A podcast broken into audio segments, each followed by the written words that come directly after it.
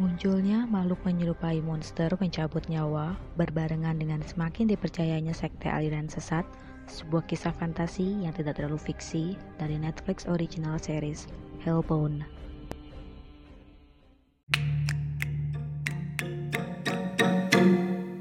Gue baru beres nonton original series Netflix dari Korea Selatan yang berjudul Hellbound atau dalam bahasa Korea Jiok. Nah, Hellbound ini adalah uh, series yang diadaptasi dari webcomic dengan judul yang sama yang ditulis oleh dan disutradarai oleh sutradaranya Train to Busan. Hmm. Baru rilis tanggal 19 November yang lalu dan memiliki total 6 episode. In my opinion, Hellbound ini tuh kayak ngasih kita gambaran atau bayangan gimana kalau misalkan kita, masyarakat kita, lingkungan tempat kita sekarang tinggal ini mayoritas udah uh, mabuk kepercayaan. Nah, di Hellbound ini lebih ke mabuk ajaran dari sekte dan sesat sih, di mana masyarakatnya cenderung lebih percaya pada ketua sekte melebihi Tuhannya sendiri sehingga masyarakatnya itu udah nggak ragu lagi untuk saling tunjuk menghakimi orang lain sebagai pendosa dan penghuni neraka juga menghilangkan keadilan sama manusia. Makanya di awal tadi gue nyebut kalau Hellbound ini agak terlalu fiksi walau emang genrenya fantasi. Karena somehow keadaannya mirip gak sih sama keadaan kita? Kalau menurut gue gitu ya. Karena kita udah sering banget udah kayak banyak berita tentang adanya aliran sesat di mana-mana. Sampai beberapa dari kita, dari masyarakat kita juga udah mulai mudah menghakimi orang lain, merasa paling benar di jalan Tuhan. Ngeri banget kata-kata gue. Nah, terus gue ini merasa kalau misalkan di Hellbound ini tuh nunjukin ngasih lihat sifat terburuk, terjelek, dan terjahatnya manusia diwakilkan oleh empat kelompok manusia ini peringatan spoiler ya abis ini ya. Kalau ada yang belum nonton, mohon di skip aja. Nanti kalau udah nonton balik lagi ke sini. Nah, empat kelompok manusia yang tadi gue sebut ini di antaranya adalah si streamer Arrowhead yang dia pakai chat glow in the dark.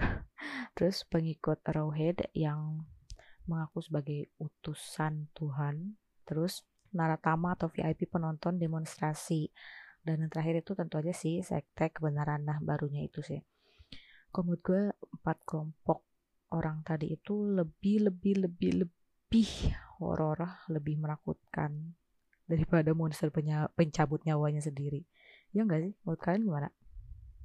Rating pribadi dari gue gue bakal kasih nilai 7 dari 10 karena gue menyayangkan kenapa Hellbound ini seolah kayak dibagi ke dua section dan dibagi ke dua part. Episode 1 sampai 3 dan episode 4 sampai 6 ini punya cerita yang beda dengan cast yang berbeda pula. Seolah-olah episode 4 sampai 6 ini tuh season 2-nya. Karena latar waktunya pun berbeda 4 sampai 7 tahun kemudian. Karena gue nggak ada banner tahun 2027 di episode 6 ya. Dan juga dimulai di episode 4 ini, si sekte ini tuh udah sangat berkembang jauh, bahkan diakui dan legal. Dan kejadian selama di episode 1 sampai 3 itu nggak pernah dibahas. Kayak why gitu. Kenapa? Apakah itu plot hole atau emang disimpan buat season 2? Hmm. Nah, terus gue tuh notice sesuatu yang ngeganjel gitu loh yang kalau kata gue kurang pas. Sepenglihatan gue nih di episode 4 sampai 6 ini kan uh, adegan demonstrasi itu udah banyak ya. Bahkan mereka ada studio khusus untuk siaran langsung demonstrasi. Tapi kenapa masyarakatnya itu masih menganggap demonstrasi itu adalah hal yang baru? Sehingga setiap ada demonstrasi lagi, masyarakat akan heboh, akan jadi uh, pencarian nomor satu di internet dan masyarakatnya kayak masih ketakutan gitu Apakah emang rasa ketakutan itu dipelihara biar masyarakatnya nggak ninggalin uh, uh, aliran sesat ini atau gimana? Kalau menurut kalian gimana? Tapi kalau nggak setuju sama opini gue nggak apa-apa. Yang penting kita semua harus setuju bahwa penampilan Yu In sebagai Jung Jin Soo ini keren banget. Banget titik. Jung Jin Soo ini kan kayak karakternya tuh kalem, terus sedikit kaku dan gak banyak berekspresi. Tapi Yu In ini menyampaikan perasaan si Jin Soo ini tuh melalui mikro ekspresinya melalui uh, mikro ekspresi di mata di alis dan di bibir. Bahkan ketika tatapannya kosong bikin merinding itu sampai sini.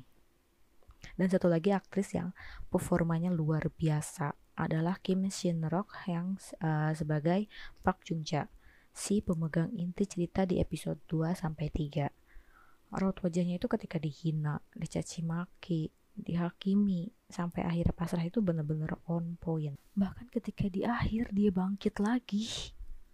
Aduh gila. Gue perlu spin off khusus untuk karakter Park Jung sih serius. Poin plus yang gue sukai itu tuh ada di episode 6 alias episode terakhir. Kalau misalkan kalian belum sampai episode terakhir tolong di skip aja. Balik lagi kalau udah selesai nonton ya. Di episode terakhir ini kisah penutupnya itu membekas banget menyentuh sekaligus kayak ngasih harapan di tengah masyarakat yang edan ini gitu loh. Dan aktingnya Won Jina dan Park Jung Min sebagai suami istri ini sangat menyayat hati gue dan bikin usaha untuk tetap bertahan sampai akhir nonton Hellbound itu benar-benar worth it. Dan ending Hellbound ini yang paling mind blowing si Park Jung Ja ini tiba-tiba bangkit dari kematiannya badannya yang udah jadi abu tiba-tiba berubah jadi manusia di dalam kaca. Gila banget kan? Itu tuh ending khasnya Netflix banget deh. Yang bikin penonton yakin dan berharap ada season 2 walaupun gak tahu kapan. Hellbound ini membuat gua teringat sama drama Korea The Devil Judge yang juga tayang di 2021 di mana selain latar waktunya sama-sama distopian ya atau distopian itu gambaran terburuk dari masa depan umat manusia. Nah gue merasa The Devil Judge sama Hellbound ini tuh ada beberapa kejadian yang serupa kayak kerusuhan terus adanya aksi brutal fans fanatik dan kekerasan pada minoritas. Walaupun gue rasa uh, mereka memiliki perspektif yang beda. Yang satu tentang sekte dan yang satu tentang konstitusi.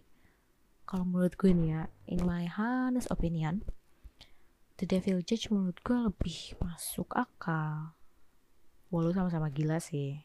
Kalau kalian belum nonton coba nonton deh. One of the best Korean drama di 2021 kesimpulannya dari gue Hellbound ini tetap worth it ditunggu-tunggu. Dan kesan dramanya tetap dapat rasanya tuh kayak sengaja dibuat untuk menggelitik kereligiusan manusia. Dan jangan berharap lo kelar nonton, lo akan bahagia berseri-seri gitu. Minimal lo bakal mikir sih.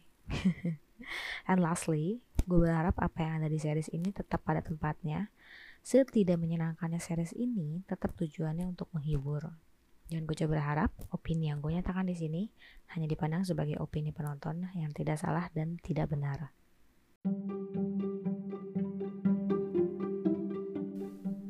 Terima kasih telah mendengarkan opini gue tentang series Hellbound. Kalau misalnya lo mau berdiskusi atau sekedar punya temen untuk ngobrolin drakor, follow Twitter gue di @baruberes. Sampai ketemu lagi di episode baru beres selanjutnya. Bye bye, see you.